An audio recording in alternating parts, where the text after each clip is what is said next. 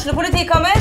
Ine Jansen er purk. Er du purk? The motherfucking bitch. Alt jeg vil, er å finne ut hva som skjedde med mannen min. Jon Carew. Er jeg sikta for noe? Iben Akeli. Det er du. Ole So, Lars Berrum og Big Daddy Karsten. Hvem sin side er du på, egentlig? Anette Hoff, Tone Danielsen, Kommer du fra Afrika? Jørnis Josef, Nesten. Kløfta. Trond Espen Seim, Det er synd å si det, men det var feil mann som døde. Purk. Premiere tirsdag på TV2 Play. SA-podden presenteres av Fleksi. Regnskap med et smil.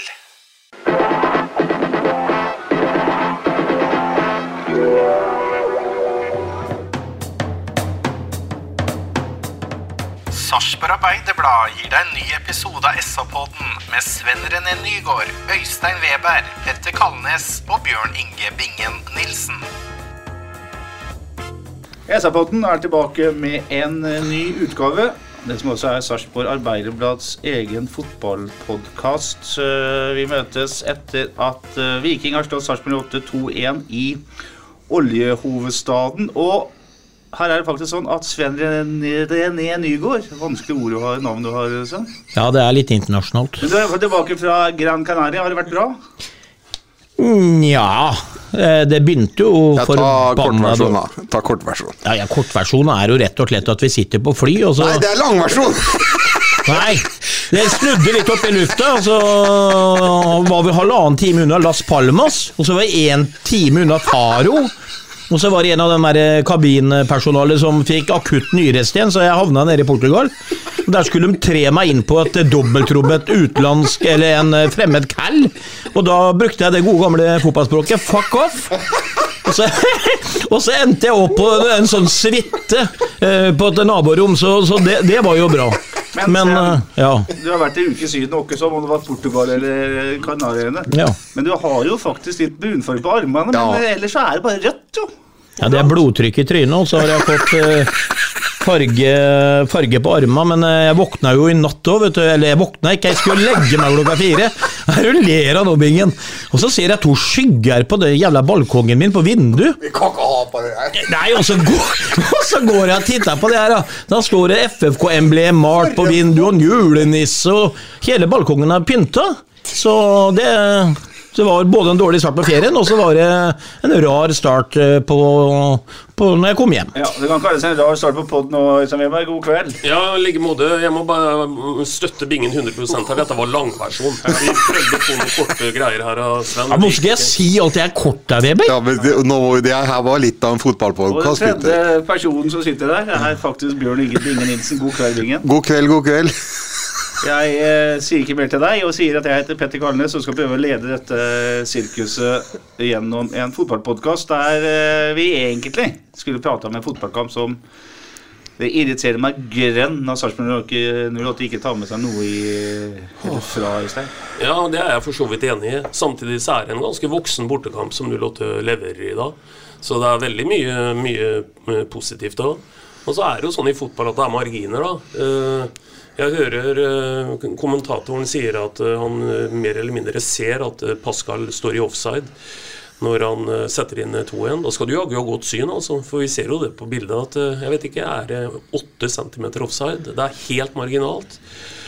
Og det han gjør i den situasjonen, og vi kommer jo litt tilbake til det, det er jo høy, høy klasse. Det hadde vært et fantastisk mål av han. Men det er marginer imot. Og, men, men for all del, altså. Øh, Jeg syns at dette er øh, veldig mye som en kan trekke fram som er positivt i dag. Det er vel alle igjennom, eh, Sven. Men, og det er jo et svært men, det handler om å vinne fotballkamper her. Det handler om å skåre nok mål ikke slippe inn det enkle. Eh, og f.eks. at man ikke vinner eller leder mer halvveis enn man gjør etter den første omgang der det er en eh, mellom 60 og 70% ballinnehav til eh, gjestene fra Sarpsborg. Eh, det er jo faktisk ikke godt nok. Nei, og hvis du legger til i tillegg da, at vi slipper inn for enkle mål, som f.eks. Viking ikke gjør i dag, eh, så, så er Jeg husker at du skrev, Petter, jeg sa her for en stund tilbake om at det, det, Sarpsborg 08 er et nestenlag. Og det er jo det vi ser i dag. da, Vi spiller en, en veldig bra bortekamp mot et lag som eh, jager medalje, vanskelig bortebane. Vi, vi styrer eh, spillet i store deler av, om, eh, eller av begge omganger. Og vi er det beste laget i mine øyne, hvis du ser sånn fotballspillmessig. Men så skal du jo tilbake til det som du nevnte i denne artikkelen her. Det hjelper jo ikke å være overlegen i spill hvis du skårer mindre mål enn motstander, eller at du slipper inn de enkle måla. Og det er det som er resultatet i dag igjen, og vi må få luka det bort. Og hvis vi luker bort det, og hvis vi får beholde stort sett hele det laget der, med bortluking av de tinga der, så tar vi medalje neste år. Hva er eh, inntrykket ditt etter matchen, Bingen? Da tar jeg kortversjon. I forhold til spill og sjanser Altfor litt eh, mål og et altfor dårlig resultat i Stavanger. Det er jo rene ord for pengene, men helt riktig, det. Ja. Ja. Uh, skal vi for en gangs skyld ta og hoppe rett til det som egentlig er det mest irriterende av alt, er de to baklengsmålene. Kanskje vi kan bruke litt fokus på det for en gangs skyld. Vi pleier å snakke veldig mye om eh, de målene som ble skåra. Vi skal gjøre det jo, men vi kan ta de to baklengsmålene. Og da er vi altså i, til, i annen omgang, da. Og vi er etter 55 minutter da jeg vet da rakkeren, Sven, at det går an å tømme seg så fullstendig Eller altså feilregne en situasjon som en bakre firer gjør der totalt sett. Uh, hele venstresida, altså høyresida til Viking, er jo helt åpen. Uh, Viktor Torp står ved siden av Sander Svendsen og lar han uh, gå bak ryggen sin og få ballen. Mens venstre midtstopper Franklin Tebo han er av en eller annen grunn plassert seg foran mål og er totalt på bærtur. Eh, tar jeg for hardt? Nei, for det er vel den eh, der hvor de trer igjennom og det kommer et innlegg mot første, ikke sant? Og, og Viktor Torp, han glemmer jo den defensive førsteregelen, se over skuldra di. Hvor er mine motstandere? Og det er jo det som skaper hele opplegget, tenker jeg, fordi at han skal ikke få lov til å tre den der. Eh, han skal bare ta et skritt eller to til venstre hvis han ser bak seg, sånn at vikingspillerne ikke kan slå gjennom han ned mot den dørlinja.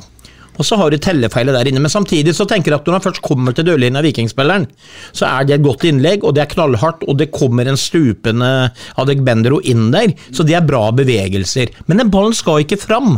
Det er, de er for dårlig. Men hvor er venstre midtstopperen der, eh, Bjørn Inge? Altså, det, det er jo en, en firer her som skal Jeg mener Tebo må ligge bak i rommet der, eh, der Sander går inn i. Jo, men, inn men han slår den ballen til, høy, eller til venstre for Viktor Torp, da. Jo, jo.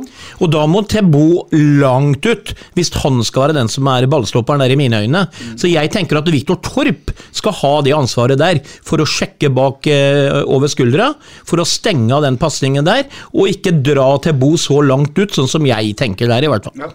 Nei, og du tar ikke for hardt i, Petter, for sånne rom går det egentlig ikke an å etterlate seg uten at det er høy risiko. Men samtidig så er dette også en litt sånn en del av uh, Billborn-fotballen. Eh, vi kan ofte bli straffa vi på det, og så er det noen valg her som gjør at eh, skal du på en måte stå så høyt som en gjør? Og vi snakker jo, Det er jo symptomatisk. Vi snakker om to, uh, Torp i dette her. Torp er jo i utgangspunktet ikke den som i, i en startoppstilling står i den rolla der. Men det er jo pga. at eh, en har en bekk som har hatt andre oppgaver litt tidligere, før den situasjonen oppstår. Så du, du takker for hardt i, men, men samtidig så er det litt prisen å betale for at vi er eh, veldig offensivt underholdende å se på også. Men jeg kan- bare få skyte inn. Jeg tenker det i den situasjonen der, kortversjonbingen, at vi er etablert egentlig der, i det angrepet der. Vi har nok folk.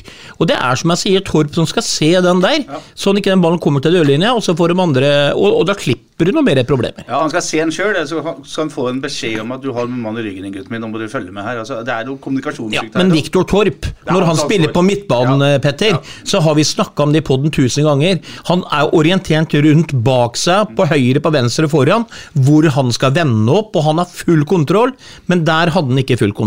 Nei, I til til alt overmål så er jo også da venstrebekk eh, Sander Kristiansen i den situasjonen her veldig bred. Vanligvis så er jo, har vi jo sagt at vi syns at de nesten er for sentrerte bekkene til Sarpsborg 8. Så det er mye feil som fører til eh, 1-1-skåringen til eh, Adegbendro, Samuel Adegbendro på, for Viking.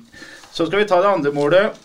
Vi tar det negative første da. 71 minutter. Det er samme Adegbendro som får eh, avslutninga. Jeg har lyst til å spørre deg, Bjørn Inge Bingen Nilsen, hva du syns om forsvarsspillet til Mikkel Maigård der? Ja, er, jeg sa til guttene nå, det, det, det var nesten sånn som at eh, han døtta litt på han, akkurat nede ved dørlinja der. Sånn, og så, så han døtta han litt på armen, og så sa han til en Kan du gi deg nå? Men han, han gjorde Han det ikke. Han døtta noe i fart, jo. Ja, men, kan du være så gi deg nå? For nå, nå da må jeg døtte hardere hvis ikke du gir deg nå. Men eh, det var jo helt Det var en forferdelig forsvarsjobb av Mikkel Maigård. Det er altså en én-mot-én-situasjon der Jan Erik eh, Denalé har eh, ball på ca. 16-meterstreken, vel. Og står eh, ansikt til ansikt med Mikkel Margaard. Eh, Mikkel Margaard gjør alt feil, Sven. Han står først med hendene på ryggen. Deretter så står han så bredbent som det er helt umulig for han å flytte seg sideveis. Og så ser det ikke ut som han gjør noe særlig. Øystein. Nei, og så tenk dere så forutsigbart det er at Delanley vil den veien og prøver å løfte ballen inn. Ja. Altså Det er jo skrevet i stjernene ti ganger før den situasjonen oppstår. Og, og jeg syns det er litt viktig at vi adresserer også dette her. Altså for, for eh, vi blir ofte ganske tydelige på sånne konsekvenser, type en keepertabbe, en, en stor brent sjanse, og henger litt sånn bjella på katten da. Men her må vi henge bjella på presspillet til, til Maigård, som er altfor svakt. Og hvis han gjør den jobben han gjør, uh, ideelt, og det betyr å hindre at det kommer et innlegg, da står vi ikke i neste omgang og så diskuterer hvorvidt eh, Utvik eh, kunne gjort noe ditt eller datt. Dette kunne vært stoppa før det kommer inn foran mål. Men du vet at fra spøk til alvor, det er ikke noe presspill, Øystein. Det er ikke noe presspill. Han leder den jo ikke noe, han bare lar han få lov til å passere seg, egentlig. Hadde de, de, de trenerne i alle divisjoner stått der, Sven, og ikke skråstilt seg, og ikke altså, hatt en utgangsposisjon som har sett bedre ut enn det der, så hadde vi blitt sinna. Ja, og det, men, men som jeg sier eh, til Maigårds forsvar han er jo så offensiv i huet. Det er jo offensiv spiller, og han eh, har vel trent svært lite på det. Men når han har spilt fotball i så mange år, så tenker jeg det at man, eh, man, man, eh, man må gjøre det vanskeligere for en motstander å komme seg til linja og legge et godt innlegg. Men så har jeg lyst til å spørre Bingen om noe.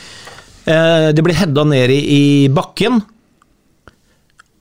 Kan ikke han være litt hardere i nevene der han Haug òg, og, og fissen ut? Jo, helt sikkert, men da er det jo liksom sånn Da gjør han 100% redning, egentlig. For at når han først får hedda fra så kort hold, så blir det egentlig vanskelig å ta den. Da blir det et utslag som, som gjør at du tar den i ren refleks. Det blir ikke noe sånn 'Å, den ser jeg utgangen på, der går jeg', og så er det om å gjøre å nå bort. Det blir litt for vanskelig, Sven, føler jeg, da. Ja da, jeg- jeg syns heller ikke at det er keepertabbe, Jeg jeg, syns- jeg jeg, jeg, jeg syns jo heller det, når den fadesen er skjedd ute på siden der av Maigård, fra Maigård sin side, så syns jeg jo heller det at eh, det er rart at ikke han får noen kamp i lufta, han som header'n, he- han som headeren Adek Bendro. Jeg jeg, jeg syns vi er veldig jeg syns, han, han kommer opp begge gangene veldig veldig alene, uten noen som er oppi ansiktet hans med et hue i hele tatt. Ja. Vi må ikke glemme at dere Utvik der også vel eh, Du ser jo det på kroppsspråket til Utvik etterpå at han er skuffa. eh, Litt over seg sjøl. Han, han søker jo ikke kropp. Han har jo heller ikke full eh, oversikt over hvor Adegem Bendero ligger bak seg, sånn at han kan få rom å gå opp og Hedde. Så det her er en sånn sammensurring av masse små dritfeil. Som hvis én av dem hadde altså Helt tilbake til Haug, da, som jeg, jeg, som jeg sier, det er ikke noe keeperdabbe, men noen keepere kunne kanskje vært sterkere i håndleddet og slått den ut. Til førstepresset til Maigård, til Utvik. Hvis én av dem hadde gjort jobben sin, så hadde ikke det målet kommet. Nei, og jeg, Hvis jeg tror at jeg ikke hadde tenkt å ta Utvik, så hadde jeg ikke kommet dit engang. Ja. Altså, Nei, ok. altså, her er det én mot én. Han står og holder en spiss i hånda, egentlig. Så trekker han mot ballen. Det er også en kardinalfeil ut av en annen verden, altså. Er det ikke det? Det er der kardinalfeilen er. For det er som Sven sier, at det skal Utvik kunne gjøre det med den situasjonen der, så er det ikke å kunne hoppe høyere. For det, han hopper så høyt han kan, og ballen går over huet på han. Så da er egentlig skaden alt skjedd. Men det går på å komme inn i kroppen på Adek Bendro og på en måte forstyrre han litt, så han ikke får kommet så fritt opp som han gjør, og få satt den ballen. Da. Ja. Vi har altså adressert nå grove feil som resulterer i to baklengsmål. Og det er jo det også Billborn sier etter kampen her. At eh, ja, de skårer for få mål, men det er også sånn at man slipper inn eh, altfor enkle baklengsmål. Ålreit, da er vi ferdig med den frustrasjonen, og vi kan ta litt av av hvordan denne matchen uh, starta. Og vi starta selvfølgelig med laget, som vi alltid gjør. Der er det sånn at uh, vår venn Kjetil Haug står i mål. Det, så er høyre, høyrebekk Eirik Vikne, stoppere Bjørn Inge Utvik og Franklin Tebo. Sanne Kristiansen tilbake på venstre bekkplass etter at Anders Him starta der mot uh, Vålerenga. Jeppe Andersen, Viktor Torp sentra på midten. så vet vi at uh, at uh, Berget er ute, så det er Ramon Pascal Linke som spiller på topp. Til høyre i angrepet Niklas Sandberg, til venstre Rafik Seknini, en sjelden start der. Og Mikkel Maigård i den dype spissrolla, nummer ti-rolla. Og vi må nesten starte denne kampen med eh, å bruke litt tid på det som skjer før matchen. For der er jo en sarping involvert. Eh, Det er sånn at Viking fotballklubb eh, takker av Thomas Bereira, som eh, neste år er hovedtrener i eh, Sandnes Ulf, etter at han har vært eh, i trenersystemet i Viking i mange år. Det er 25 år siden han gikk til, Sarsborg, nei, til Viking fra Moss første gang, Sven. Eh, Du spilte jo med Thomas. eh, Er imponerende fotballkarriere totalt sett dette her begynner å bli? Ja, eh, Thomas var Han har jo en bror som heter Steven. Steven var vel naturtalentet som kunne vende av folk og var teknisk vidunderlig. Thomas var ikke så slepen, men han hadde en go i kroppen sin. Jeg har en sånn, et minne fra en et minne fra en trening hvor vi skulle løpe langt opp på Ravneberget.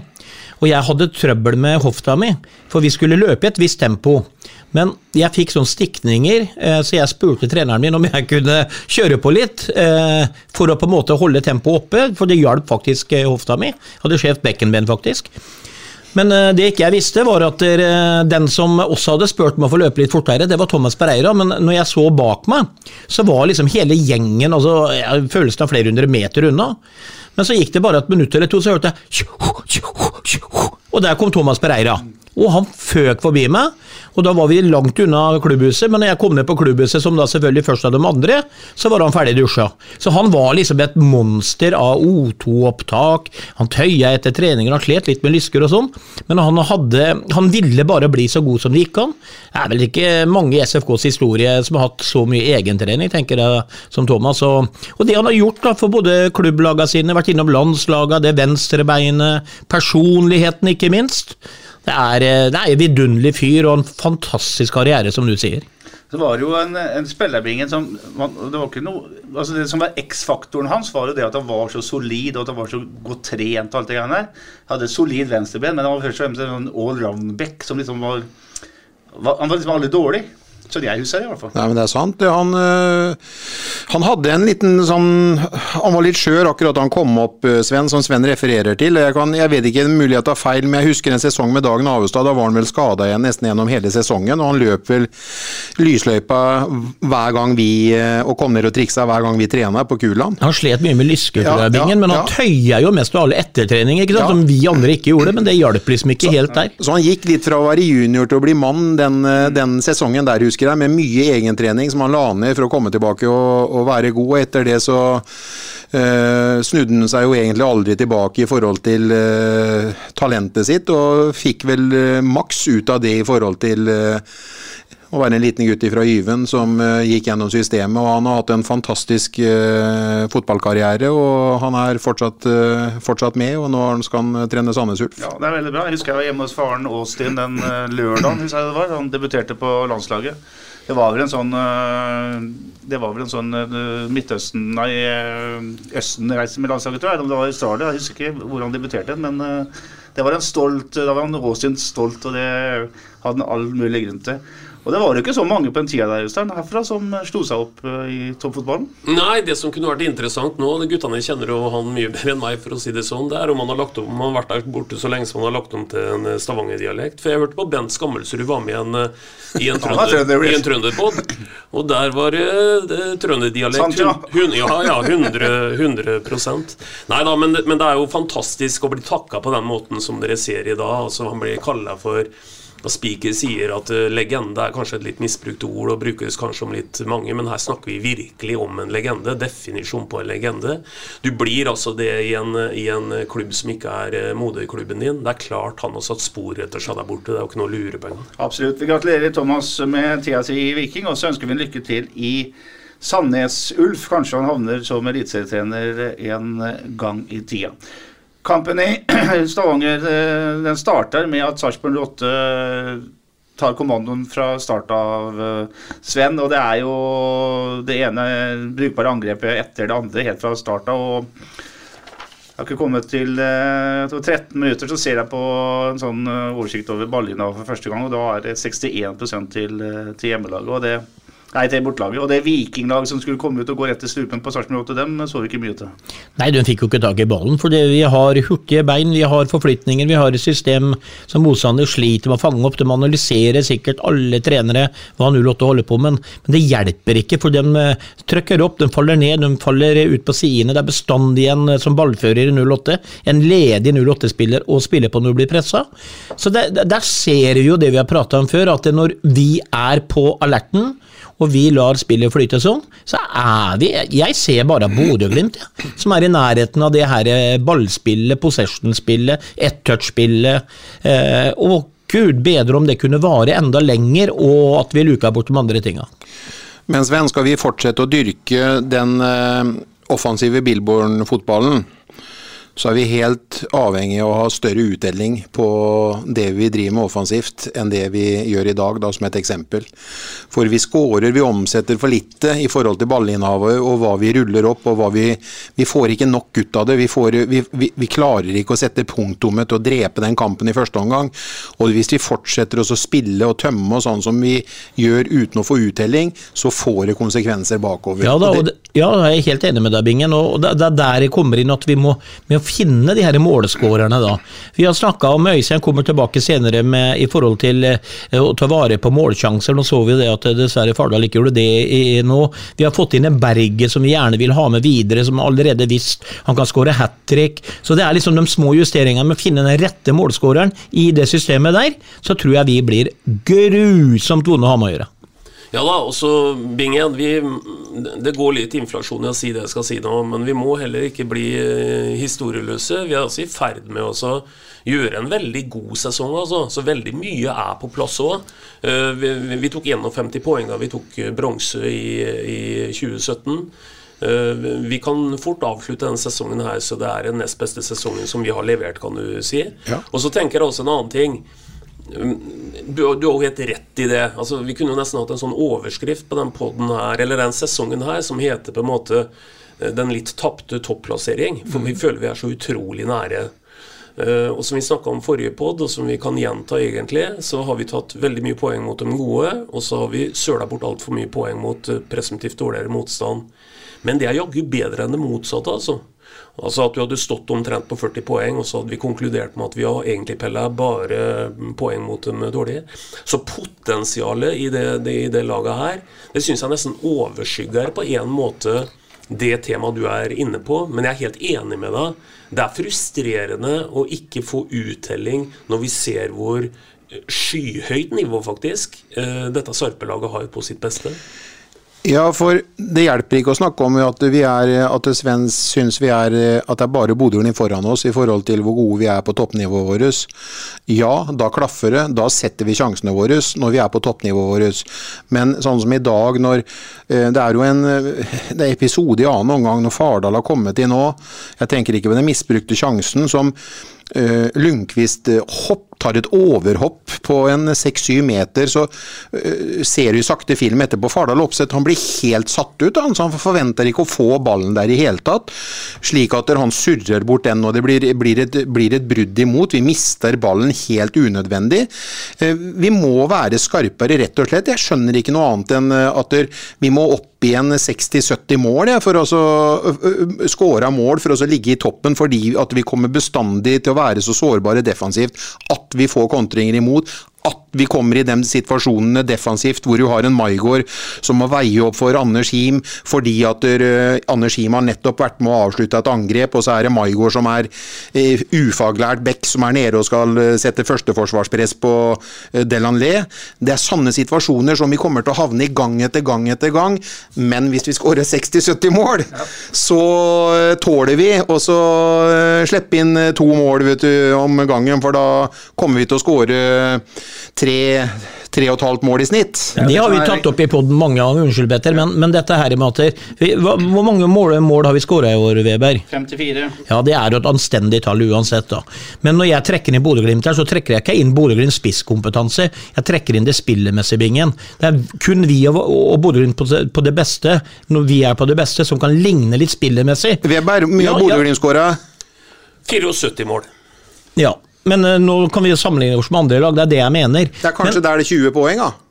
Ja, ja, men, men det, det jeg mener, det er det, Bingen, at hvis vi får på plass den som kan forvalte alt det vi gjør, for mange innlegg vi har i løpet av en kamp, alt dette her En Jo Inge Berge som allerede er bevisst at han er en, en skummel mann, selv om han ikke har vært en toppskårer i alle år.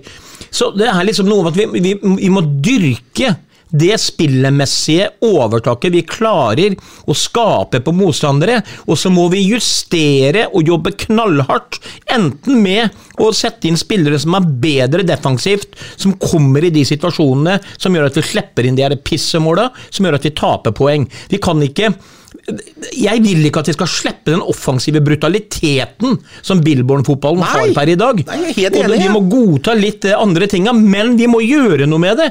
Vi kan ikke bare snakke om det, og det, det sier jo Billborn på hvert innlegg. Han sier i dag igjen vi slipper inn for enkle mål. Klarer vi å få en Maigård til å gjøre jobben ordentlig, klarer vi å få en Utvik til å vinne den duellen, så vinner vi bort mot Viking i dag. Og jeg mener at det er mye enklere å ta tak i enn hele den offensive eh, tingen som vi er da, gode på. og da skal jeg sette én ting eh, til på dagsordenen når vi først snakker om det. Vi, nå skal jeg bruke, nå skal jeg referere til eh, Arne Erlandsen når han omtalte Roger Isholt eh, for Fredrikstad en gang. Og nå skal jeg akkurat si hva han sa, og det trodde jeg vi fikk. Jeg var helt sikker på, når vi henta en Jeppe Andersen som ikke jeg ser Han er ganske usynlig da, han er ikke, med, han er ikke involvert i måla våre, verken defensivt eller offensivt. Og uh, Arne Erlandsen sa følgende om Roger Isholt den gangen. Jeg trodde vi fikk en schæfer, men jeg fikk en puddel. Ja, det, det husker jeg han sa, Ja, men, men nå men- henger jo du ut enkeltspillere. Ja, men, ja, men det må jeg få lov til å si. Ja, ja. Og da kan jeg si det. Hvis vi skal fortsette med den offensive fotballen, og hvis vi ikke skal ha kapasitetsspillere på sentral midt som, eh, som er bedre enn Jeppe Andersen, så må jeg si det at vi utvikler oss aldri som klubb, eller laget tar ikke nye steg defensivt. Hvis ikke vi forsterker oss på de svakeste punktene. Men hvis du går inn på det målet, da, så skal du ikke henge Jeppe på den knaggen der. Nei, jeg sier der. han er ikke involvert engang! Nei! Ja, men- og og vi kan jo, da, da, da må vi ikke Du skjønner ikke hva jeg mener, men han skulle vært involvert. Vi skulle sett den. Vi må ha mer defensive fibre i hele gjengen som gjør jobben riktig uansett. Og det gjelder høyrebekk og venstrebekk. Er høyre mislopper? venstre Nei, jeg tar bort Tebo i dag, for han var et monster i dag igjen, i de fleste situasjonene. Ja, men har- altså, Dere har jo helt rett, eller Bingen har jo helt rett i det han sier her. For altså, dem som er blitt satt i de defensive situasjonene, det må jo være bedre individuelt. Det ser vi jo i dag òg. Mikkel Maigård, øh, han øh, Utvik. Det var jo for dårlig individuelt. Fordi de ble satt i sånne situasjoner fordi man øser forover med folk. Men det du egentlig begynner med å si, Ja. er at du etterlyser jo et monster og en spiss. Jeg gjør jo det. Jeg håper jo alle på at Linni Meist Nei, han øh, Nei, ja, ja, hun, han, øh, hun vinner ikke hun-dueller. ja, ja, men at han det Meister Han er jo på trening. Herregud, han flyter over gresset. Skuldre er i orden. Hadde ikke han gått på utenlandskvota når han ble skada, så hadde jo han vært, der, vært der nå allerede. Det er det du sier, Sven. Altså, hvis du sammenligner med Bodø-Glimt, da, så har du Pellegrino som gjør hele Ja, ja. Du har alltid en spiss, Ja, ja. hvem det nå var nå Ja, ja. heter, ikke sant? Ja, som gjør, gjør mål. Vi spiller vårt like mye gode sjanser som nesten Bodø-Glimt, men vi har ikke den eh, ekspertisen av fotballspillere som klarer å forvalte de tinga. Der er vi helt enige, Sven. Nå begynner vi å komme til istedenfor å gå rundt grøten. Og skal vi utvikle oss, skal vi få 20 mål til, skal vi bli bedre defensivt, så må vi utvikle laget på de svakeste posisjonene. Og derfor blander jeg inn Jeppe Andersen. Jeg trodde vi fikk en schæferhund, men vi fikk en Men puddelhund. du sier jo samtidig at de ikke forvalter sjansene. Da må du ikke ta Jeppe. Vi skaper, Du sier jo tidligere, Bingen, at Vi vi, snakker om det skaper, defensive. Jeg ja, men om du det sier at vi skaper Du må masse høre hva jeg målsjanser. sier. I dag er ikke du jeg er enig. Men da er det sånn, da, Bingen. eh, Hvis vi glemmer Jeppe Andersen, så sier at uh, vinterens viktigste mål nå er å sørge for at du har en spiss til neste år som er god nok til å være som er den første spiss som er god nok til å skåre mye mål. Vi vet ikke om Meister er det ennå. Hvis kan- Berge forsvinner, så må det hentes inn en ordentlig klassespiss. Jeg vet ikke om jeg, jeg, jeg kunne ønske at Jo Inge Berget hadde vært der, men jeg tror ikke Jo Inge Berget spiller eh, 20, 20 kamper pluss. Eh, Han begynner å få en kropp som blir mer og mer utsatt for, eh, for et kunstgress, f.eks. Og jeg, jeg, jeg kan godt tørre å hive fram noe nå. at der, Kroppen hadde jo nesten ikke satt seg engang. Første innhoppet han hadde på Sarpsborg stadion, han fløy jo bare i, i vimse. Han var jo ikke borti en ball på den første 20 minuttene, eller på den i Meister, den første 20 minuttene han spilte for 08. Og så så vi han eh, i eh, neste gang han kom inn. Det virka jo som kroppen og harmonien og teknikk og rytme og alt hadde falt sammen, eller falt på plass på uke. Og det du ser av han, så er i hvert fall det et råpotensial. Og hvis ikke vi kan dyrke han, så skjønner jeg ingenting. Han må få lov til å få sjanser selv om han får dårlige kamper. Og jeg kan godt eh, si at det er en spiller jeg har lyst til å si nå med en gang. Får han en mulighet til å bli rendyrka og skal være den som er inne i boksen der, box, Fox in the box, og i, i tillegg til å ha en superfysikk når, vi, når, vi stå, når forsvars, forsvarsfireren til motstanderen står litt høyere i banen, så har jo tempo til å løpe ifra både eh, Strandberg og mange andre stoppere, hvis du skjønner hva jeg mener. Så han kan være en sånn 15 pluss-type for 08 faktisk neste år. Velkommen til gjesteartisten så er Weber. det det må jo være en drøm I dag blir jeg ivrig, men sånn er det. Ja, ja, men det er bra at du er ivrig i begynnelsen når du ikke sier noe, for du har gjort det noen ganger nå. Det må være en drøm for en spiss å spille på det laget her. For det er masse innlegg, det er masse produksjon og sjanser. Ja da, og jeg ser grunnleggende faktisk uh, veldig, veldig positivt eh, på dette.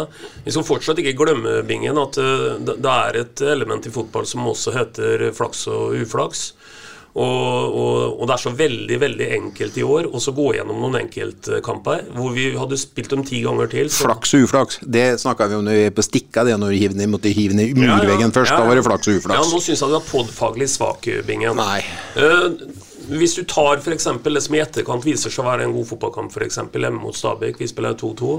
Det er bare ett utdrag. Altså Du kan gå i alle grunndataene og finne ut at vi produserer fem ganger så mye som motstander i den kampen der, og det blir vi gjort. Vi har mange sånne kamper. Det som er så bra i år, det er at det er ikke mot den beste laget vi egentlig har svikta. Der har vi egentlig levert uh, veldig bra. Så det laget her, det er et veldig, veldig nære, nære lag nå. Og jeg, jeg skjønner at det er ting å sette fingeren på, men vi har aldri vært i nærheten av å kunne gå inn i en ny sesong med sto, så store forhåpninger, vil jeg uh, tro. Og så vil jeg bare komme med én liten ting til. Alle vet at det er noe som rir oss litt som en mare om dagen. Det er uh, ikke-signerte spillere som utgjør en ganske viktig del av dette laget. Nå skal jeg trekke fram den viktigste som vi må få resignert i en Billborn-filosofi. Uten tvil Eirik Vikne. Ja, fy Der er jeg nesten enig med deg etter den kampen i dag igjen. Det er helt sjukt. Meget god kamp. Men vi sitter og snakker om det samme her alle sammen. Ja. Vi gjør det, altså. Vi snakker om det samme. Det Ja, men jeg tror vi snakker rundt hverandre i bingen. Fordi, fordi som jeg sier, jeg tror du misforstår meg Nei, det er, jeg, jeg name-dropper litt og sånn. Det er Jo, det jo. som uh... ja, ja, ja, men, men jeg snakker om det spillemessig, og jeg sa jo tidlig at ikke vi har spillere til å forvalte de mulighetene. Så jeg jo etterlyser jo en som kan sette det ballen i mål. Men vi må dyrke at vi er så overlegent gode mot gode motstandere, og da har vi egentlig et fundament som er ekstremt stort, og så er det de justeringene på enkeltspillere, på lagdel, i forhold til dette å gjøre en bedre jobb defensivt. Klarer vi å beholde toppnivået der og gjøre en litt bedre jobb defensivt, så vil vi klatre flere plasser på tabellen. Ja, Og jeg er helt enig. Og jeg, og, og, jeg, og jeg er helt enig med deg. Jeg er helt enig med deg. Men jeg skal bare si, i fjor så snakka vi litt om uh, Saletro sine defensive egenskaper. Er det noe vi mangler i år, så kan jeg godt si det nå, at det, det mangler vi. Litt flåsete sagt så sa vi det når Soltvedt skulle løpe hjemover. Da rakk eh, Saletros innom midtbanen før han stakk ned på venstre bekken og, og rydda opp for Soltvedt. Det ser jeg ikke at noen midtbanespillere gjør nå, defensivt. Så, han eh, dansken. Viktor Torp, han er jo en offensiv åpenbaring, men han, han klarer ikke å omstille hodet sitt til å være den defensive som skal jobbe hjem og takle nede ved cornerflagg osv. Han er ikke den type spiller. Vi hadde det, en fantastisk toveispiller i eh, Saletros. Vi har ikke klart å gjenskape den posisjonen hans. Vi har ikke det, altså. Nei, og så var det også junior på sitt beste i fjor, som vi husker. En helt enorm julevis på midten. Og, Det blir lang pod det her, men jeg må bare inn. Ja, det blir en lang pod sikkert, greiene her, selv om jeg har bestilt pizza. Eh, men det her er jo prioriteringssak fra Billborn ikke sant, og Børklund i forhold til hva vil vi ha. Vil vi ha en Viktor Torp som kanskje er litt begrensninger eh, fra sentral posisjon eh, defensivt, men er så ut, utrolig god offensivt. Så må han velge, da. Skal vi ha en Viktor Torp på laget som på en måte er god der oppe, men kan tape mye der? Eh, Det, eneste jeg kan si om Jeppebingen, da Jeg er helt enig at han er temposvak i en del defensive situasjoner, men vi ser også en annen ting, at når han blir spilt på i trange posisjoner, flink til å komme seg ut, tar med medspillere også i lengderetning. Det er jo det Billborn vil. Så det her er jo et valg fra Billborn på spilletyper. Ja, hvis, hvis vi hadde hatt en som var så god som Viktor Torp, eh, offensivt og glimrende defensivt, så hadde jo ikke vært her. Enkelt og greit. Og Det sa jo også Billboard i intervjuet etterpå, at det er en grunn til at de er her. Eh, han sa også noe om at han var øh, bekymra for at de må starte på nytt igjen. At de mista mye folk. Og så er det også sånn at vi ikke skal glemme det at den beste sesongen Billborn har hatt som fotballtrener, det er i Hammarby da han tok eh, medalje og ble eh, cupmester. Da tror jeg de skåra over 80 mål og slapp inn noe helt 85 mål, tror jeg. ja, altså Det er skåringsrekord i Hammarby, og det, men han slapp også inn masse mål. Så det her er Billborn-fotball. Og jeg er også enig med deg, Svein, at eh, filosofien til Billborn er jo å bruke så mye offensive spillere her at f.eks. Mikkel Maigård havner i den situasjonen han havner i. En ukjent posisjon for han. Eh, Mann-mann mot en driblesterk eh, motstander. Da sliter han, ikke sant? Men da er poenget mitt at da må forsvarsspillerne redde opp, da. Tre støttende til etter det. Markere han ene spissen. Da må midtstopperne være bedre. ikke sant? Så Det henger litt sammen her. Når man tar store sjanser offensivt, så må man være gode defensivt individuelt. Vi snakker om det samme. Vi har satt ny rekord nå. Det har gått 34 minutter, og vi har kommet til minutt nummer 14 i fotballkampen. Stein. Ja, jeg foreslår at du går litt med harelabb her, for at vi skal komme oss Nei, men Det er sjelden lenge siden vi har temperatur. Ja, men Nå, nå er vi Ja, men, men er det ikke deilig at vi diskuterer og så- hører jeg liksom fra liksom sleivsparket fra Vetatoppen sånn liksom Nå er du faglig dårlig i podden. Podfaglig sagt. Ja, ja, ja, jeg bare snudde litt på orda, for faen meg retting på det Da, òg. da, da brukte du to ord som blir feil sammensatt. Vetatoppen. Og faglig, det passer ikke sammen. Nei, det er liksom sånn eh, Dæven, dæven, skal du hive sten i glasshus, så får du faen meg være Ja, på her, det- altså. det- Vi skal være litt forsiktige med sånne ting gutter, for Bingen, for han er hårsår. Altså. er hårsår. Nå kan vi komme til å få slengt noe etter oss resten av poden. Han er jo hårsår, eh, hårsår som noen gang har blitt, har vokst opp på kulen, i hvert fall. Det er ingen tvil om. Men jeg har lyst til også å bruke 45 sekunder på et, uh, situasjon etter 14 minutter, Stein Weber. Uh, da er det vår venn Vikne som uh, Det vil si det er Maigård som finner Pascal, som finner viktene, og så slår han en eh, diagonal motsatt stolpe. Der kommer Afik Saknini inn, legger ned på brøstet, og så hva var det vi sa forrige gang? Det er alltid ledig i vinkelen, er det ikke det? Jo, og så tenkte dere den tilbake igjen til at vi har et eh, lag nå. Det er fint å ha en uh, Seknini i bakhånd. For det målet han skårer der, er jo høy, høy klasse på. Og da snakker vi altså om en som ikke har spilla seg inn i elveren eh, på tre måneder. Så, så, så vi har noen verktøy nå, vi, som er ganske, ganske spennende. Og det Seknini gjør der, er jo, er jo eh, veldig bra. Og i tillegg så er jo Seknini en veldig spennende spiller. Vi snakka om Delanlé på den 2-1-skåringen. Da var det ganske forutsigbart hvem vei eh, han skulle gå for å legge inn den ballen. Det er ikke like forutsigbart hva Seknini skal gjøre, for han kan gå begge veier. og er nok en, eh, er nok en håndfull for enhver bekk i Eliteserien. Det han gjør her, Sven, at han tar ned på kassa men så, og går utover i banen, men han, han skyter før forsvarsspilleren kommer inn på den, og han skyter på halvspett, så han den er sånn som stiger og stiger og stiger, og ja, treffer heldigvis i krysset. Ja da, og det er drømmetreff, og Seknini hadde sikkert innrømt det, at det, det målet er jeg fornøyd med, og der gjorde jeg en god jobb, men eh, tre av ti ganger så setter han den. Det er jo lykketreff og i tillegg, men det er jo fantastisk utført. Og det er jo et eh, mål som keeper ikke er i nærheten av å kunne ta. Ut ifra hva jeg ser på treninga om dagen av han, så var det akkurat som forventa. Ja. det minner meg for øvrig om en Kommer historie, de stikket? En historie fra Navestadbanen på 80-tallet, da vår felles venn Jens Fredrik Elverøy eh, Jens, Ja, nei, eh, Bingen. Skyter fra han, Jens ville sikkert sagt at det var 40 meter, men la oss si det var 25 også, på halvsprett og rett i vinkelen. Og så etterpå så spurte vi åssen var det her eh, liksom Nei, han, han, han, han steg og han steg og han steg, så han jeg sa ikke landa ennå. Liksom, Ja, jeg, jeg, jeg hadde en sånn fra 40 på sammen jeg. Mot Nybergsund. Han keeperen her, han blei ikke med bussen hjem. Nei, det er ikke kødd, gutter. Bingen, du huser vel det? På. Han keeper skulle vel ikke være med bussen vår hjem, han vel? Nei, skulle der. var jo hos oss på stadion. Oh, ja. Han ble ikke med bussen hjem til Nybergsund. Oh, ja. Jeg har, eh, vi har snakka litt eh, nedsettende om eh, Bjørn Inge Utvik pga. det ene målet. Nedsettende, vi har syntes vi har kritisert den. Etter 25 minutter så kommer han eh, blir stilt ansikt til ansikt med Lars Jørgen Salvesen. Salvesen kommer eh, på 16-meteren mot den. Én mot én, altså.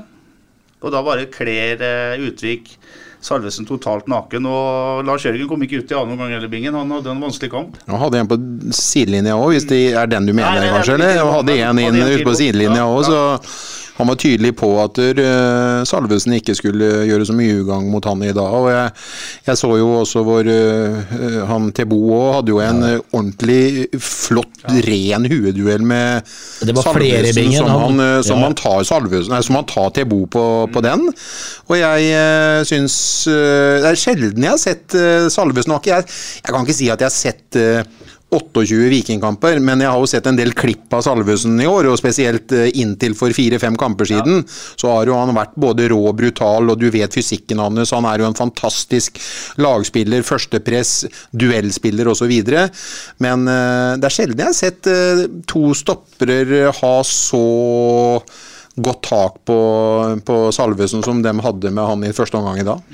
Ja, jeg er helt enig. Og så bringer vi jo også litt inn uh, Bo her. Og så tenker jeg det vi må si om til Bo, det er at uh, det som alltid er litt interessant å snakke om når det gjelder uh, folk her, det er hva som på en måte er råmaterialet.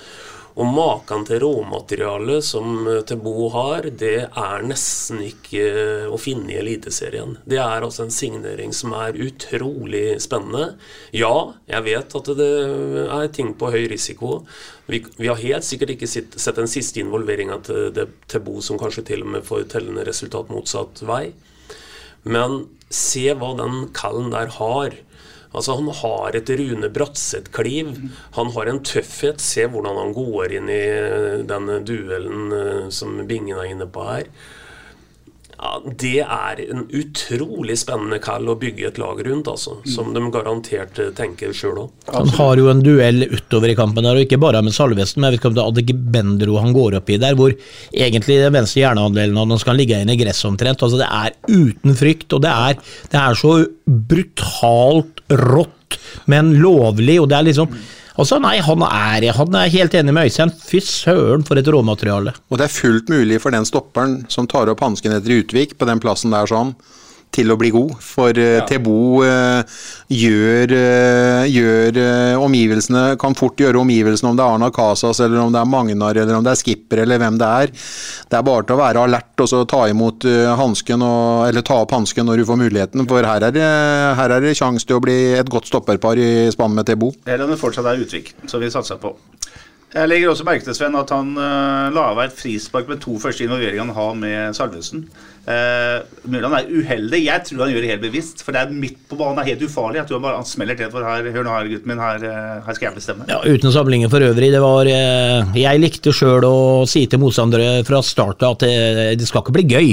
Og det er jo Tebo gjør her. Altså han Salvesen han ser seg jo bak ryggen den tredje gangen der. Kommer den mannen igjen? For han fikk jo vondt de to første gangene. Så det er liksom litt sånn man gjør det på høyt nivå. Altså Det gjør man i Premier League og sånt når man sier fra til motstanders spiss at eh, i dag skal du få juling, eller at en keeper kommer ut som Bingen kan alt om, med kne høyt når du skal i duell med keeper. Sette seg i respekt. Og det gjør Tebo i løpet av fem minutter. Ja. 1-0 til gjestene fra Sarpsborg i eh, pause etter en uh, meget bra omgang, hvis du ser bort fra en periode sånn fra Åtte-ti minutter. 8-10 minutter Fra fra, 17, fra- eh, ja. 17-25 Ja. rundt der cirka. Så er det klart best. 59% ballinnehav. Viking blir bua i garderoben, setter igjen eh, Bell og Salvesen i den samme garderoben og kommer ut med fornya energi. Men det er faktisk sånn at eh, Ramón Pascal Lundqvist er involvert i to situasjoner. De første fem minuttene i andre omgang, som kunne burde fått gitt eh, store målsjanser. Først så er han to mot én. Han har ballen og går rett på stopperen, og han har Sekhnini til venstre for seg. Velger å skyte, tror jeg. Eller han prøver å drible. Det er for et forferdelig feilvalg. Og så er det en, en, en delikat pasning fra Seknini etter 50 minutter. Rett på foten til eh, Pascal, som er på et løp igjennom. Så klarer han ikke å ta imot ballen, og så Og så mister han eh, går lufta ut av det angrepet. Så det er, det er bare små marginer før eh, Lundqvist kunne skapt stor sjanse. Så kommer 1-1-skåringa til eh, Viking etter 55 minutter. Den skal vi ikke bruke mer tid på. Og det første kvarteret etter pause så er Viking klart best. Men så jobber Sarpsborg seg inn i eh, matchen igjen, og etter 64 minutter eh, Øystein, så kommer jo den eh, du nevnte i stad. eh, Offside-situasjon til Ramón Pascal Lundqvist. Og ja, du, nevnte 8 cm. Ja da, og, og der eh, Det er greit at flaks og uflaks-bingen er på når vi kaster på stikka, men det er uflaks. At, eh, at den, kan jo likevel være det, Alt annet er jo helt, helt perfekt der. Og du må virkelig studere det bildet for å se at han, eh, at han er eh, på innsida. Eh, Jeg var i ferd med å sende melding til Bingen, for jeg håpa den skåringa skulle stå. For han hadde vært litt kritisk til Pascal tidligere i kampen. Men heldigvis så venta jeg til VAR hadde gjort eh, jobben sin, så da sletta jeg den meldinga, Bingen. Det har nesten vært like flau som Pellegrino i dag. Ja. Men uansett, da, så, så, så er, det, er det marginalt at eh, vi ikke får en 2-1 der. Og da skal vi huske på det at i dag møter vi et lag hvor absolutt den siste billetten til å være med på medaljetoget, den går fra eh, perrongen for det laget vi møter.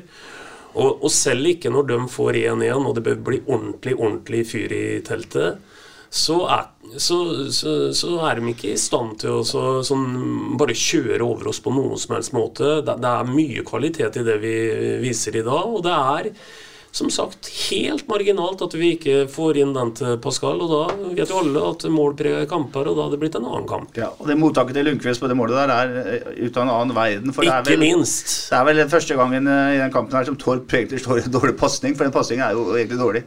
Men fytte rakkeren for han tar ned den ballen der. Men, han, eh, men han er jo Han er jo Han har jo den kvaliteten. Derfor skuffer det meg så at han ikke omsetter eh, flere rene skudd, at de slår over, eller at han bommer eller snitter og sånne. For han har jo noen kvaliteter som jeg nesten ikke har sett eh, og en arbeidskapasitet i sammen med den kvalitetene, som er helt, helt rå. Derfor er det så, bare så synd at han ikke har 20 mål liksom, i år.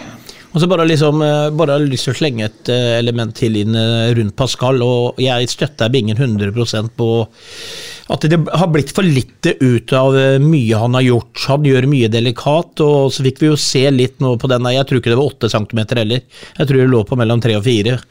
Og det nedtaket og avslutninga, det er jo fantastisk, det hadde han jo blitt hylla for.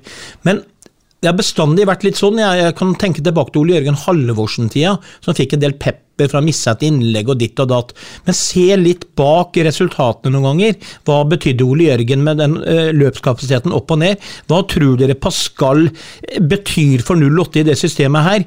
Hvordan han løper og virrer overalt. Tenk å spille mot noe sånt noe. Du må ha øya rundt den, du detter ut av egen formasjon. For han har gått på et løp inn til venstre sentralt, så er han ute på høyre. Han skaper røre, han skaper rom til andre spillere. Så det er så mye rundt Pascal som er gull, gull, gull, egentlig. Ja, helt klart. Eh, vi skal ikke ta noe VAR-diskusjon. Og Sven, nå har du forbud mot å si noe, for vi vet hva du mener om eh, VAR. Øystein, jeg har lyst til å ta tre situasjoner med deg, du som er eh, Hva var det var? var? Var faglig sterk? Analytisk og nøktern. Ja, og så skal du få svare fasiten etterpå, Bingen, du som har greie på fotball. Vi har snakka om offside-situasjon. Der går VAR inn og måler til mellom 3 og 8 cm. Dere har øyemål, dere to. Og det er jo på en måte korrekt etter VAR.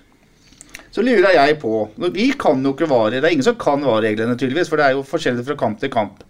Når Kristian Fardal Opseth øh, vender bort øh, sønnen til Solbakken, Markus, og blir felt eh, Ingen som går inn og ser på den. Jeg, jeg fatter ikke. Nei, men jeg tror jeg kan hjelpe deg med akkurat den. For den tror jeg skjer 20 cm på utsiden. Ja, det kan jo, Men det kan jo få pokker verken han Hegg, dommer Heggenes se. Nei, men, men vi har sett noen tilsvarende situasjoner hvor de, hvor de går inn og så vurderer om det er straffe eller ikke straffe. Og det tror jeg er det de går inn og sjekker Da her. de det på, får de på øret, da. Ja, får den på øret at vi går ikke inn og overstyrer frispark eller ikke frispark. Det tror jeg er situasjonen Ja. der. Men hva, Du er jo den store forsvareren av VAR her nå, skjønner jeg. Men hva, forsvar eh, hvorfor de ikke går inn og ser når Vikne blir sparka i eh, maven eller i handa der? da? Nei, og jeg er jo ikke den store forsvareren av VAR. Og der, og der eh, får jo åpenbart Vikne et spark rett opp i, i overkroppen, i hånda Mm. kroppen. Og øh, jeg, jeg vet ikke hvor, hvorfor, de, øh, hvorfor de øh, ikke går inn og vurderer det. Sparket setter i hvert fall Vikne ut av spill i den, i den situasjonen der. Jf. brassesparket til uh, Fardal Opseth på Intility, som blir utvist for at det er bena høyere, men det er et spark på kroppen, det òg. Poenget mitt Bingen, er at når var, eh, da VAR ble innført, så trodde vi at det skulle bli mer forutsigbart. Det skulle ikke bli så mye tilfeldigheter, og vi skulle liksom vite hva som var uh, frispark, hva som var straffe, hva som var det ene og det andre.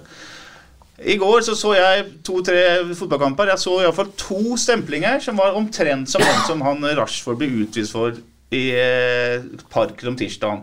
Bare for å dra inn det fra internasjonale arenaen. Syns du, Bingen, at VAR har gjort fotballspillet mer forutsigbart og enklere å forstå?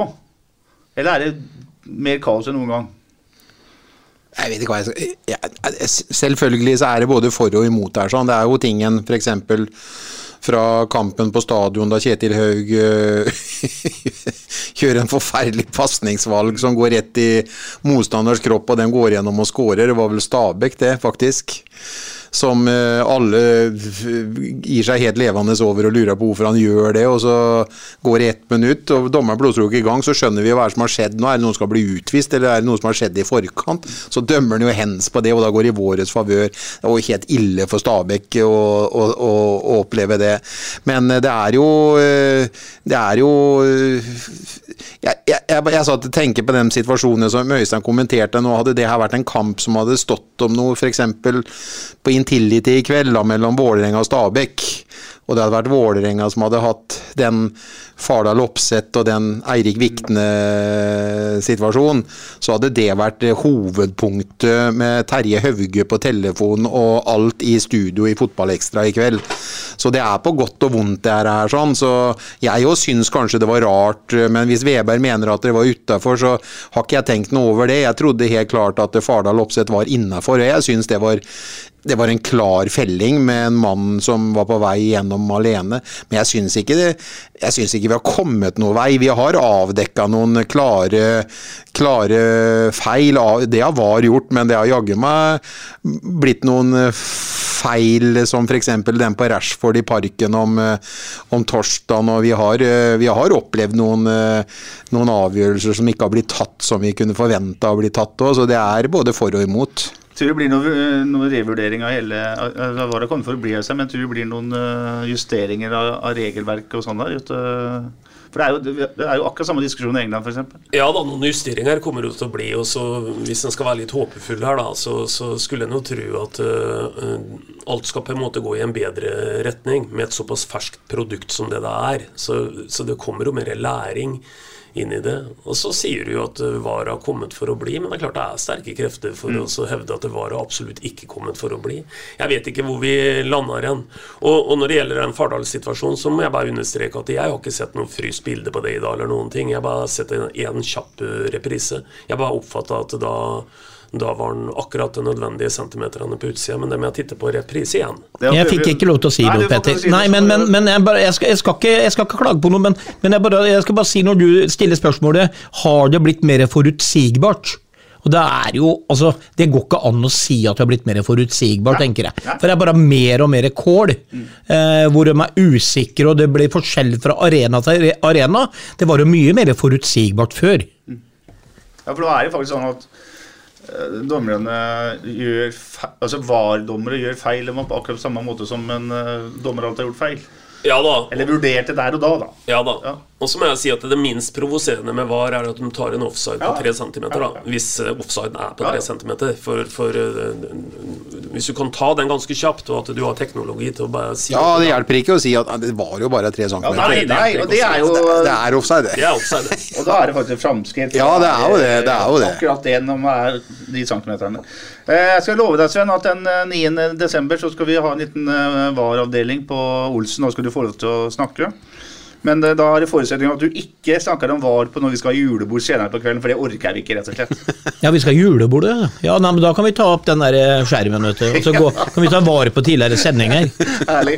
Eh, etter eh, skåringen til Lundqvist som blir annullert, da, så gjør Stefan Bilborn to bytter. Kristian Fardal Opseth og Anders Schiem kommer inn for Rafik Seknini og Sander eh, Kristiansen. Eh, vær så god. Nei, nei, si jeg, nei, jeg, nei, jeg bare tok opp fingeren for at ikke si noe etterpå. Jeg men kan ta det kjapt nå, for jeg, jeg skal støtte Bingen. For jeg er ikke på de treningene. Og Bingen skrøt av han Him når han kom, og jeg kommenterte han i én B-kamp, som jeg syns han var litt Ja, var ikke all verden, men for et innhopp igjen, altså. For en spennende bekk. Det var det jeg skulle si. Ja. Takk, Sven. Så syns jeg også Stefan Wilborn viser Sanne Kristiansen bra tillit når han lar han starte, da, faktisk. For han har jo, han har jo aldri spilt seg ut. Nei, han har ikke spilt seg ut, og jeg er for så vidt enig i det. La dere for øvrig merke til litt tidlig i kampen i dag at en han eh, rett og slett bytta litt sider på bekk osv. Det er jo også litt sånn Billborn i et nøtteskall. Uforutsigbarheten i det. Jeg lette litt etter hjelmen til, til Vikne og fant noe da plutselig på venstre ja. På venstre side. Så, så her er det alt annet enn stasjonære posisjoner. Jeg har skrevet på blokka mi at etter det første kvarteret, der Viking var klart best i annen omgang, så er det Sarpsborg 08 som dominerer kampen. Eh, 69 minutter så går Sandberg ut, inn kommer Simon eh, Tybling. Og så kommer da 2-1-målet til eh, Viking, litt mot spillets gang, etter 71 minutter. Det har vi brukt mye tid på, og skal ikke gjenta at det var eh, skuffende forsvarsspill av et par mann der. Eh, 72, så kommer sjansene her. 72 minutter. Vikne heter ned til Tibling. Og apropos baller som aldri landa, den uh, gikk jo rett til værs. Dårlig avslutningsteknikk, altså. Det er eh, Han bare lukker øya og kliner til, og han går rett til værs. Eh, 75 minutter kommer situasjonen der eh, det er en straffesituasjon. Eh, og om det er utafor eller innafor 16-meteren, eh, så skal de i hvert fall blåse frispark, da, for det er jo en felling. Så det er dårlig dømt. Ja, det er, det er det. Men det er litt vesentlig i forhold til om det er straffe eller ikke. Helt klart. Et fantastisk innlegg fra Anders Him etter eh, 78 minutter Ah, til den ene på banen vi gjerne ville skulle ha den sjansen. Og det var han som fikk en. Ja. Og det var han som posisjonerte det. Altså. Og det var han som ikke hadde mann i rygg eller ved siden av seg. Han hadde den akkurat der du skal forvente at nettet skal løfte seg. Og det gjorde det ikke i kveld. Det eneste jeg kan tenke meg, er at han er en litt sånn vemmelig høyde. Det er verken huet eller nede på foten. Han får liksom litt i ja, låret, liksom. Ja, når, når vi eventuelt slakter avslutningen her, så bare, slakter ikke den, det var bare synd at ja, ja, ja. Men det er jo dårlig, Bingen. Han spiss som skårer i bøtter og spann i utgangspunktet, og, og ikke sette den der. For det, det er i 100 sjanse. Jeg er ferdig med det. Men når du går tilbake og ser på før det innlegget kommer, og ser i sakte film åssen han opptrer inne i feltet, hvor han rygger og søker eh, stopper Han passer på stopperen hele tiden er bak seg. Eventuelt hvis ballen kommer foran ham, så kan ikke stopperen gå inn og gjøre noe. Så han gjør en fantastisk spissjobb der, eh, oppsett, før han får ballen på venstrebeinet. Og derifra ja, enig. Den er litt vanskelig, men med den feelingen han, han har, når han klarer å nikke baller med bakhuet i motsatt kryss, så skal han klare å vri den der venstrefoten sin eksakt der, så han i hvert fall kommer innafor uh, stengene. Men for et innlegg. da. Ja, fint innlegg. Ja, fantastisk. mellom keeper og forsvar vanskelig for uh, Vikingforsvaret. Uh, det er ganske stort press for Sarpsborg 8 mot Vikingmålet her, men den eneste store sjansen jeg har notert meg, er etter 81 minutter. Der er det igjen Vikne som legger igjen ballen til Kristian Fardal Opseth. Kristian Fardal Opseth skyter et bra skudd som går rett på keeperen til Viking. Og det er den samme situasjonen der uh, Vikne får da et spark i magen idet han legger igjen eh, ballen. Viking går ned i 5-4-1. Øystein. Det sier jo litt om hvem som dominerer kampen. nå. Ja, det sier veldig mye om, eh, om eh, at dette er eh, De, de føler seg overhodet ikke trygge på at dette skal de eh, dra inn i. da Så kunne en også lagt det som en sånn en, liten sånn en fun fact at det skulle vært artig å sett eh, på det beltet til Vikne etter kampen hvor mange meter han har løpt den kallen der. altså for ikke bare at han løper mye, men det er jo mye høyintensitetsløp naturligvis når du, når du har den rolla han har. og det er litt av en motor, altså. Eh, Nei, det var, eh, dette er en kamp som en selvsagt eh, veldig godt kunne tatt med seg nå. Det er ikke noe tvil om det. Bare fra høyintensitetsløp, Hjørdis Valberg, det betyr at han løper med tempo. Så Veberg ligger litt høyt i raven her nå, men han løper med tempo. Du hadde mange av dømmingen. Han sprang inn i målet og henta ut ballen, det det? Nei, men han hadde så lange steg, så ble jeg aldri sånne høyintensitetsløp. Jeg husker jo Ja, du, nå kliv du, Bingen. Etter seks minutter så må vår venn eh, Viktor Torp eh, forlate banen med krampe, så det ut som. Og inn kommer Martin Høiland som gjør comeback. Hyggelig å se Martin Høiland tilbake på banen. Det ender med at uh, Viking vinner Hjørdis Ahlsen mente 1-0. Hjørdis hører på. Eh, og dermed så er Sarpsborg 8 på syvendeplass, da. Det er ett poeng opp til eh, Lillestrøm, som spiller i Snakker en stund, men de ligger under med 0-3 i uh, Molde. Vi skal gratulere Bodø-Glimt som uh, seriemestere. Ja. Skal vi ikke det? Jo, For jo, jo, absolutt. Herregud, og for en opplevelse de gjorde for oss her om dagen. Ja, fantastisk jo kamp i og så gøy. Besiktas der har vi vært på kamp, og utrolig å bli så utspilt som den ble i perioder. Det var fantastisk. Ja. Vi gratulerer Bris Bangomo som seriemester for uh, Bodø-Glimt. Og ønsker deg velkommen til Sarp. Bra, Bris. Du har kjøpt eh, hus på Brevik, eh, hører vi rykter om. Velkommen hjem. Når du har lyst til det. Odd uh, tapte 1-2 for Tromsø. Da har Tromsø reist seg litt igjen. Har hengt på Brann i kampen om sølvet. Sandefjord-Rosenborg 3-2. Da leder vel Sandefjord 3-0 en periode. Gods og HamKam 0-1. Viking Sarpsborg 8-2-1. Vålerenga Stabæk 0-0. Så vant Brann i Haugesund i går. 0-0 på Intility-bingen. Det gjør at han som har mista garderoben, fortsatt er eh, på nedrykksplass. Ja, og det jo, blir verre og verre, for det er jo bare to kamper igjen. Det er jo ingenting som klaffer og ingenting som sitter. Det, det der har vært sånn nesten, nesten. Men uh, uffa meg for en situasjon hovedstadslaget er i.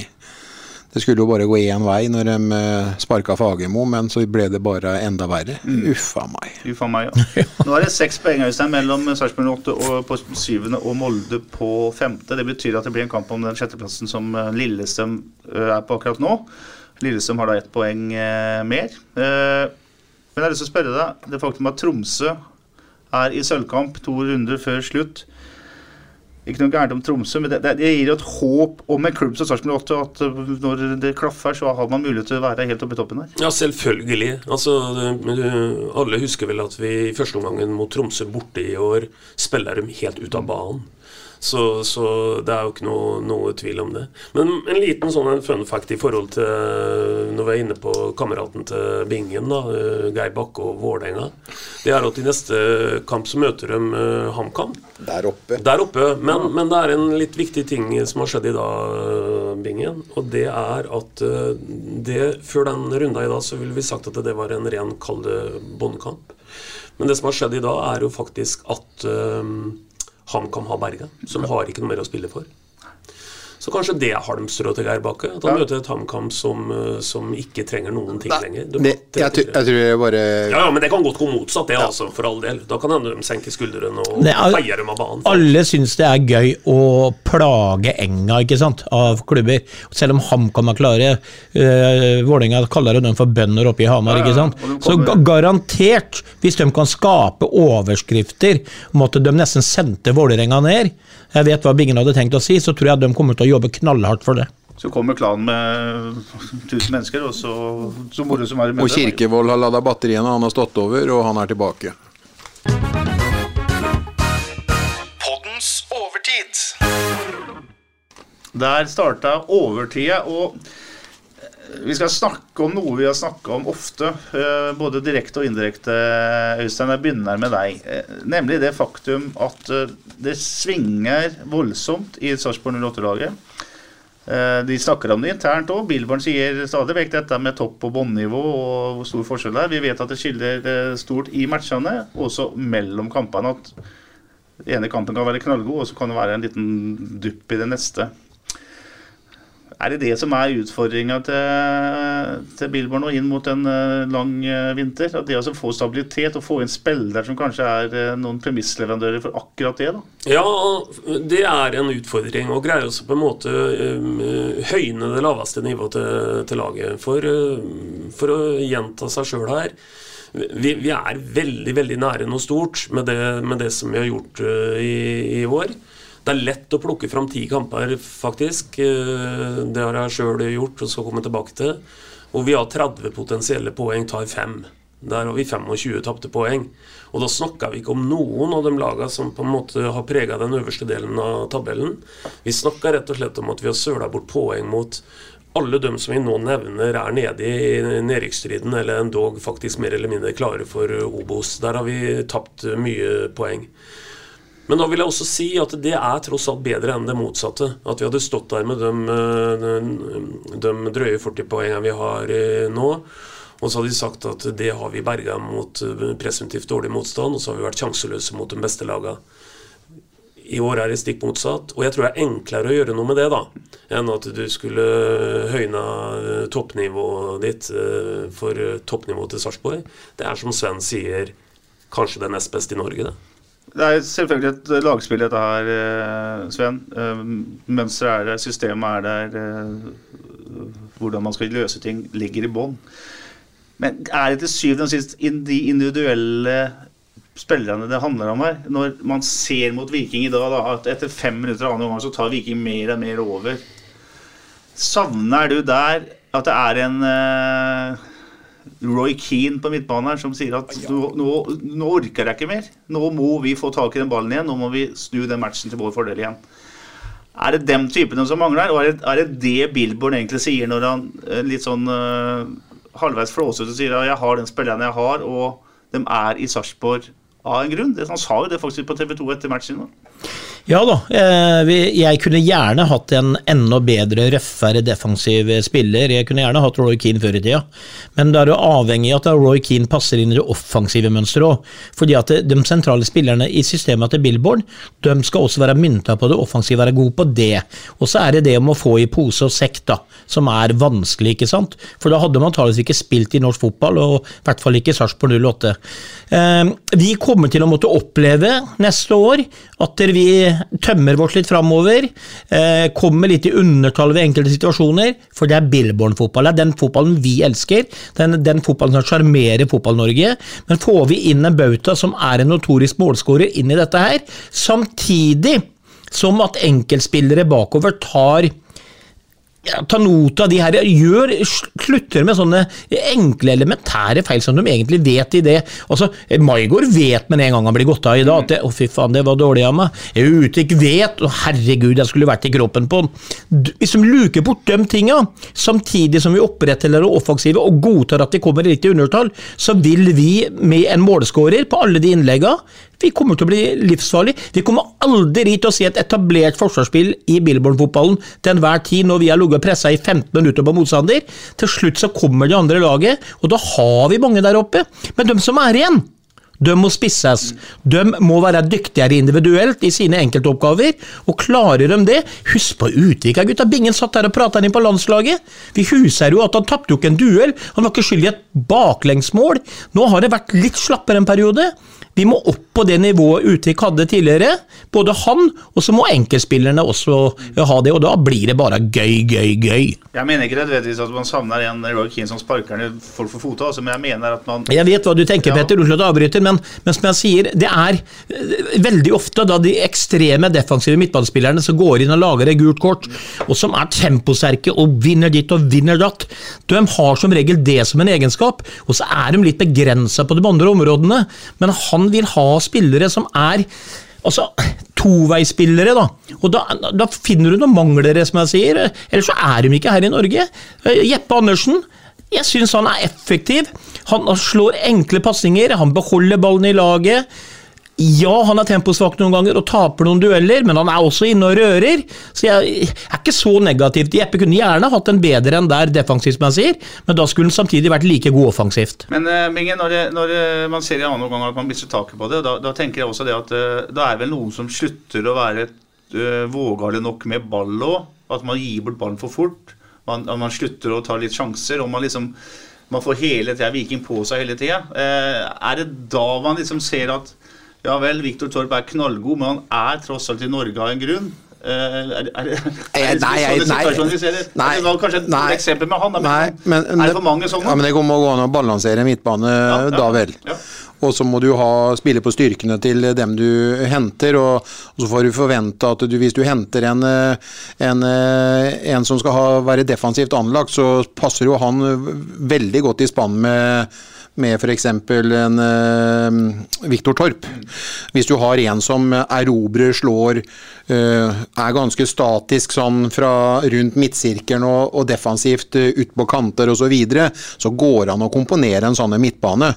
Men så lenge du ikke har tempo nok til å klare det altså Junior har det tempoet, men junior vil gjerne være med offensivt òg. Men hvis du ikke har en, en, en han, han som jeg sa, Saletros lenger, som var en toveispiller, som var en veldig god spiller. Hvis ikke du har en sånn en, da får du spille på styrkene, og da får du dyrke styrkene og ikke gjøre midtbanen vår svakere defensivt for at ikke du har tempo nok i det defensive i midtbanen, og ikke forvente at Viktor Torp skal være den toveispilleren. Ja, det er kanskje derfor han ikke spiller i København, men han spiller i, i Sarpsborg 08. Han er en eminent spiller, men komponer den midtbanen slik at vi kan ha en defensiv den som, som, som utfyller hverandre. Og så vil jeg bare si en ting til, eh, Petter, som i hvert fall underbygger at når vi sitter og snakker om toppnivået til Sarpsborg, så er ikke det bare en sånn type øh, naiv, patriotisk uttalelse. For nå begynner rekka egentlig å bli ganske lang altså, av fotballkyndige folk som, som peker på Sarpsborg og sier nettopp det vi sier.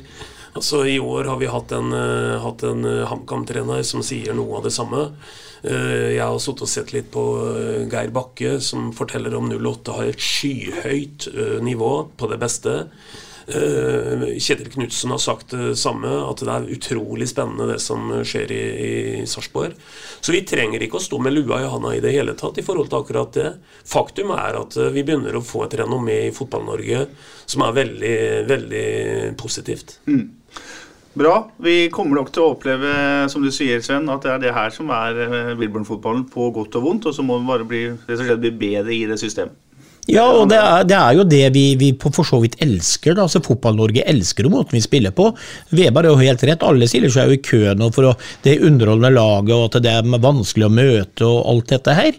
Men det er de her justeringene på enkeltspillere. Så hvis vi klarer å luke bort ja, si 20% av de defensive feilene enkeltspillere har gjort, da, som er egentlig sånn barnesykdommer, så ville det jo vært mange flere poeng nå. Så det er, jeg tenker at vi må se den enden der. Vi må liksom ikke angripe den offensive delen ved å til enkeltspillere som Jeg syns fortsatt det, da, Bingen, at Jeppe er god i den rolla, i forbindelse med at han er så delaktig i det offensive spillet med Han vet å frigjøre seg, han vet hvem han skal se etter, osv. Men så kunne gjerne hatt en som er bedre defensivt, men da tror jeg kanskje at det har gått litt på bekostning av det offensive, da. Mm, ja, bra. Man skal ut og hente spillere i vinter, Bingen. Eh, og så er man jo åpenbart ute etter eh, tekniske, ballsikre og alt det der. Eh, kjappe, som vi vet de er ute etter. Men er det nå også, må det også være en primær oppgave nå å finne vinnerskaller, finne ledere, finne dem som eh, sørger for at det båndnivået er høyere? I, I, form av sin, sin personlighet. Det kan godt være. Jeg tror liksom alle har en uh, interesse av å være alle, alle, som er ute på banen, har vinnerskalle. Jeg, jeg vet ikke om du har den der som syns og lyser i øya på sånn Ruben Gabrielsen-type. Jeg vet ikke om jeg ser en sann en i laget vårt, for å si det sånn.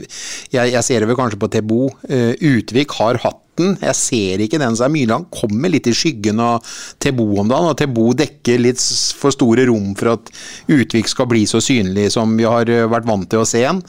Men uh, ja, jeg savner i hvert fall den, den, typen på den defensive midtbanen. Jeg gjør det. Jeg, jeg klarer ikke å fri meg fra det. Bra. I dag syns jeg det har vært bra nivå på dere. Både representanter for Vetatoppen og to ganger Kulan. Jeg synes dere har klart det bra. Nei, ikke Bingen ifølge Weber. Han hadde jo sånn podfaglig svakhet. da. Du er vel øvre Kulan, og du var vel egentlig nedre Kulan, selv, var det ikke det? det jo da, Bingen har bestandig bodd oppe i høyden, men nå har han kommet ned på flata, han oppe i byen her. Men ja. uh, det stemmer det, Petter. Sjøl bor jeg som dere vet i indrefileten, så det, jeg er godt representert i hele kommunen. Skal vi tippe litt da om 14 dager? Til, uka er, til helga er landskamppause. Om 14 dager så kommer Molde. Det er et Molde som vi har veldig god, godt tak på på hjemmebane. og Jeg tror at vi følger opp den statistikken der. Og jeg tror at vi kopierer åpningskampene i, i Leiteserien, den gangen det het Tippeligaen. 3-0. 3-0, Sven? Jeg er veldig sikker. 2-1 til Sarpsborg. Nå, nå kommer vel Bingen med en av dem to. Bingen? Jeg tror kanskje at de er Jeg vet ikke om de spiller før eller etter i Europa da, men eh, jeg føler at vi er ganske sterke på hjemmebane, og det kommer fall Det kommer til å bli en 4-2-kamp. Typisk 4-2-kamp. Jeg, er ikke så optimist, men jeg, er, jeg er fortsatt helt overbevist om at Anders Kim kommer til å skåre sitt første mål før denne sesongen er over. Så det blir 1-0 til Sarpsborg 8, og Anders Kim skårer målet. Med det så tar Øystein Veva på seg jakka, for nå skal han ta bussen hjem. Og så sier vi eh, Jeg skal bare si én ting før jeg eh, tar bussen hjem. Og det er at i dag så slapp Gleng en liten en gladnyhet. De sa overskriften er 'Paddekummen juni 2024'.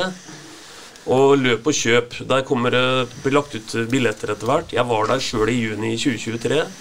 Og det var en helt makeløs opplevelse. Vi satser på å fylle stadion da mot eh, Molde, og at vi Ja, vi tar den i sendingen. Ja, Og vi- så og så får gratulere med gratisbillett på konserten og på så, reklame. Men jeg gleder meg i hvert fall til kampen mot Molde, for at det blir flomlyskamp. Vi satser på at det blir et lunt uh, forvintervær, og at vi satser Ingen. på 8-10 grader. Det hadde nå. vært helt nydelig.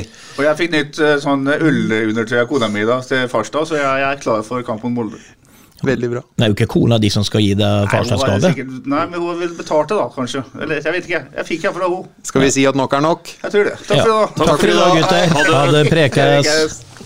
SA-podden presenteres av Fleksi. Regnskap med et smil. Ukens annonsør er HelloFresh.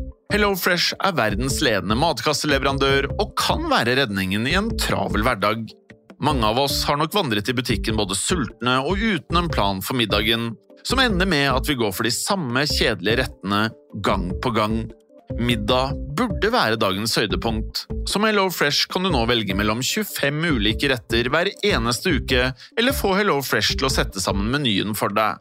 Dette gir deg muligheten til å prøve nye og spennende retter alene eller sammen med familien. Du velger antall porsjoner og får alt levert på døren på et tidspunkt som passer for deg. Oppskriftene er enkle, og maten er lett å lage både for store og for små. Ved å få alt levert hjem får du også mer tid til å dele matgleden med familie og venner. Kanskje det frister med asiatiske tacos eller greskinspirert kylling? Da kan jeg anbefale deg om å gå inn på hellofresh.no. Her kan du bruke koden FOTBALL og få opptil 1779 kroner i rabatt på de første fem matkastene hvis du ikke har prøvd HelloFresh tidligere. Du kan også bruke rabatten hvis du har vært kunde og stoppet abonnementet ditt for tolv måneder siden eller lengre. Gå inn på hellofresh.no og bruk koden FOTBALL. Har du et enkeltpersonforetak eller en liten bedrift? Da er du sikkert lei av å høre meg snakke om hvor enkelt det er med kvitteringer og bilag i fiken, så vi eh, gir oss her, vi. Fordi vi liker enkelt. Fiken superenkelt regnskap.